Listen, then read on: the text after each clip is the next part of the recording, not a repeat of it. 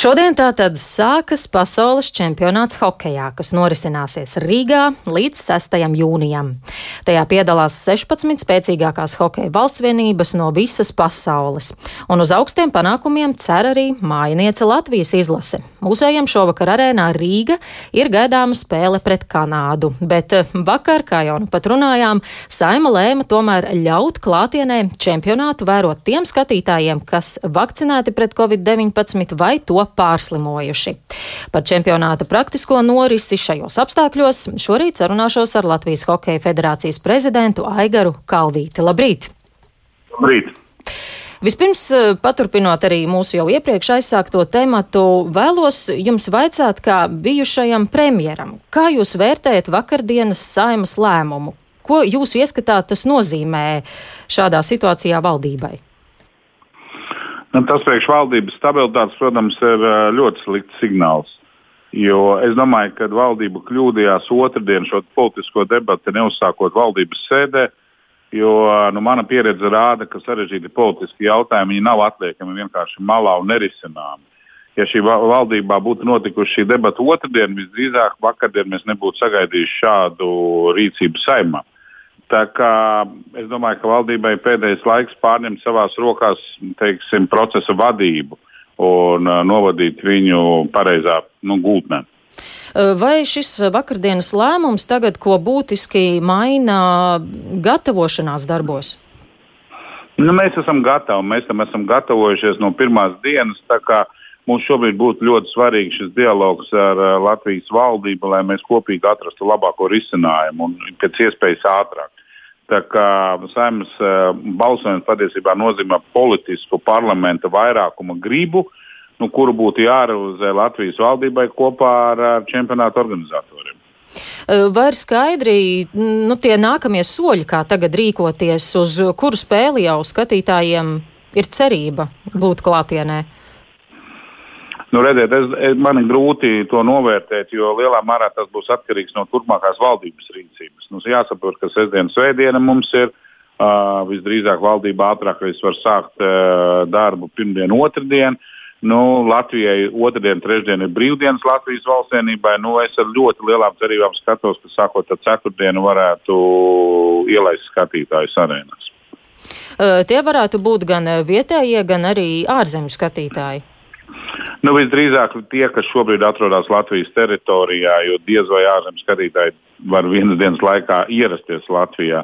Bet, protams, tie, kas ir šobrīd jau Latvijā, nu, viņiem būs visiem vienādi nosacījumi, neatkarīgi no pases, uh, kas attiecās uz vēlāko čempionātu gaitu, pusfinālu, ceturtajā finālu. Protams, tad arī iespējams ir plānot ceļojumus arī citu valstu līdzekļiem. Um, vai zināms, cik liels skatītāju skaits ir iespējams klātienē, kā jūs lēšat? Nu, šobrīd mēs esam sagatavojuši modeli un prezentējuši jau mēneša garumā valdības institūcijām, kad arēnā Rīga mēs varētu ielaist 2600 skatītājus un uh, Olimpiskajā centrā 1050 apmēram. Mm. Un kā notiks uh, biļešu tirgošana? Nu, redziet, biļešu tirgošana var notikt tikai online. Tagad jautājums, protams, būs, kādā veidā tiks uh, šī biļetes esamība savienot ar uh, katra skatītāja veselības datiem. Nu, tas būs droši vien vissarežģītākais uzdevums, kas mums arī šajās dienās būs ar valdību kopā jāatrisina. Un uh, cik varētu maksāt biļete uz hokeja čempionāta spēli? Nu, es domāju, ka šīs biļešu cenas vairāk vai mazāk ir uh, visos pasaules čempionātos ļoti līdzīgas. Viņas svārstās robežās starp 100 un 150 eiro šajās robežās. Tā tas ir bijis gan Vācijā, gan uh, Dānijā, gan, uh, Kopenhā, gan arī Bratislavā. Tā kā, tā kā cenas jau ir apmēram zināmas, viņas neko nemainīsies. Vienkārši šis lēmums, acīm redzot, tiks pieņemts tuvākajās dienās arī Starptautiskā Latvijas Hokeja federācijā. Jā, nu vakardienas lēmums saimā nosaka, ka tā tad varētu ļaut apmeklēt spēles tiem, kas vakcinēti vai pārslimojuši Covid-19. Vai jums ir skaidrs, kā to varētu pārbaudīt, kāds mehānisms varētu tikt pielietots, vai esat jau pamodelējuši situācijas? Nu, mēs gatavojamies situācijai, kad mēs izmantojam uh, negatīvus uh, pret-covid testus, respektīvi uh, tā kā tas notiek, lai dotos uz operāciju, kā tas notiek, lai dotos uz lidostu un lidotu kaut kur. mums ir diezgan grūti šobrīd uh, izmodelēt situāciju, jo mums jau kā organizatoram nav iespēja ielūkoties cilvēku individuālajos veselības datos. To var izdarīt tikai ārste. Tas būs jautājums, kas mums arī šobrīd valdībā profesionāli vēlreiz jādiskutē, ir, kas tomēr būs šī ieejas biļete. Ja? Teiksim, ar negatīvu testu to ir diezgan viegli izdarīt, jo uzrādot biļeti laboratorijā, tests tiek piesiets konkrētam biļetes numuram. Līdz ar to ir gan personas identifikācija, gan zināma vieta, gan arī tests. Tur nav iespējams nekādas manipulācijas un ir viegli pārbaudāms.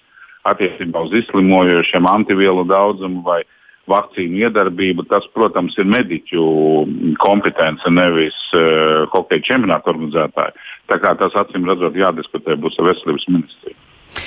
Nu jā, ņemot vērā to, ka skatītāji kādu brīdi tā tad varētu nākt un uh, vērot šīs spēles klātienē, un arī ņemot vērā jau jūsu nosauktās biļešu cenas, uh, vai esat uh, parēķinājuši, kādu ienākumu varētu nest? Nu, es negribētu par to vispār ļoti grūti, ļoti grūti. Es tikai varu pateikt, ka hokeja čempionāta organizēšana Rīgā ir izmaksājusi līdz 14 miljoniem eiro. Ir pilnīgi skaidrs, ka ar šo naudu tas būs mazs piliens, lai nosaktu tos izdevumus, kas ir, ir eh, nu, iztērēti šī čempionāta organizēšanai. E, nu jā, 14 miljoni, cik no tā ir piešķīrusi Startautiskā ledus hokeja federācija? Nu, Startautiskā ledus hokeja federācija piešķīrusi aptuveni 10 miljonus. Jā, nu redzēsim tālāk, eh, kādi tie, kā, kā viss izvērtīsies arī ienesīguma ziņā. Uh, bet kā jūs vērtējat, šodien čempionātam ir jāsākas, iepriekš izskanēja bažas par Daugavas ledus halles spējām nodrošināt labu, atbilstošu ledus kvalitāti. Kā tad ir šobrīd, vai viss tur ir kārtībā? Jā, nu tātad nu, pirmajā dienās jāsaprot, ka Dāngos uh, ledus skala nodeva būtiski pēdējā brīdī. Normāli jau process ir tāds, kad uzbūvē hali, tad apmēram vairākas nedēļas notiek ledus kvalitātes nu, teiksim, nodrošināšana vai iekārtu ieregulēšana. Un, teiksim, par laimi, vienā no laukumiem, lielajiem laukumiem, mums nebija problēmas jau no pirmās dienas. Tur mums nav pat sūdzības nekādas bijušas, bet attiecībā uz otru ledus laukumu mums bija bija um, platības, kuras uh, nesala pietiekoši ātri, veidojās peļķes. Mūsu pirmās trīs dienas nācās ļoti daudz darīt, lai šo, šo kvalitāti nu, uzlabotu. Teiksim, Latvijas U-20 izlase divas dienas speciāli trenējās Daugavas halē pēc nodošanas un veica treniņu spēles.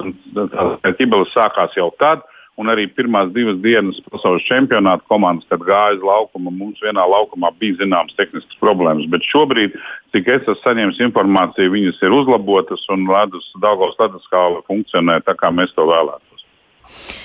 Mm, mūsu sporta ziņu kolēģi ir sūdzējušies, ka šo pavasaru eh, informācijas par eh, hokeja čempionātu ir salīdzinoši mazāk un to iegūt ir apgrūtinošāk. Eh, kāpēc Hokeja federācijas komunikācija ir tādā diezgan kūtra šoreiz un kāpēc arī izlases galvenais treneris Bobs Hārtlīs turnīra priekšvakarā tomēr izvēlējās nerunāt ar mediju pārstāvjiem? Nu, es tam gan nevarētu piekrist. Mums bija Boba Hartlīna preses konferences, kur bija iespēja piedalīties visiem e, mediju pārstāvjiem. Un, e, un Bobs Hārtlīs informēja gan par saviem plāniem, gan apmēram par sastāvu. Tā kā, tā kā tas vienīgais iemesls, kas varbūt šobrīd apgrūtina šo komunikāciju, ir, ka komanda ir pilnīgi izolēta no apkārtējās sabiedrības. Ja? Pilnīgi saprotams, ka citos čempionātos žurnālistiem bija brīva pieeja gan treniņu kālē, viņi varēja vērot treniņus, viņi varēja vērot uh, teiksim, komandas uh, sadzīve. Šobrīd tas viss ir uh, nu, vienkārši izslēgts. Līdz ar to varbūt ir tāda sajūta, ka ir pārāk maz informācijas, jo tas nav raksturīgs čempionāts.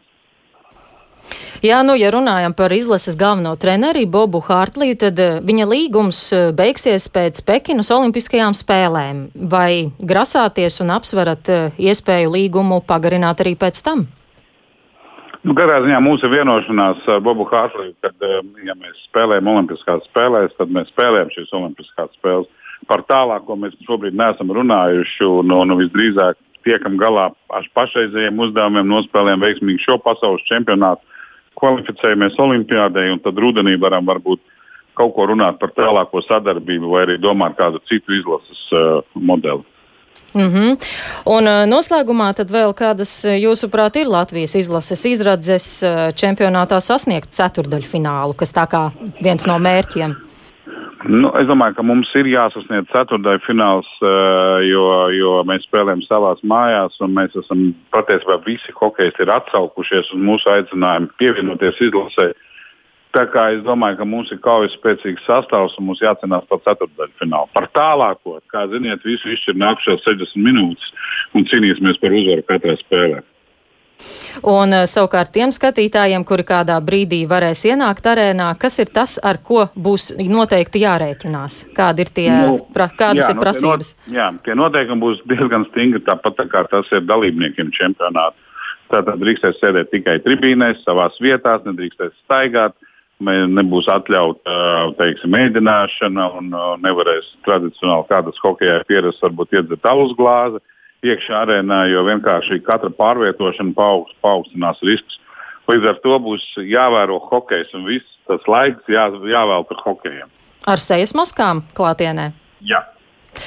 Paldies! Šorīt jums par sarunu sazvanījos ar Latvijas Hokeja federācijas prezidentu Aigaru Kalvīti.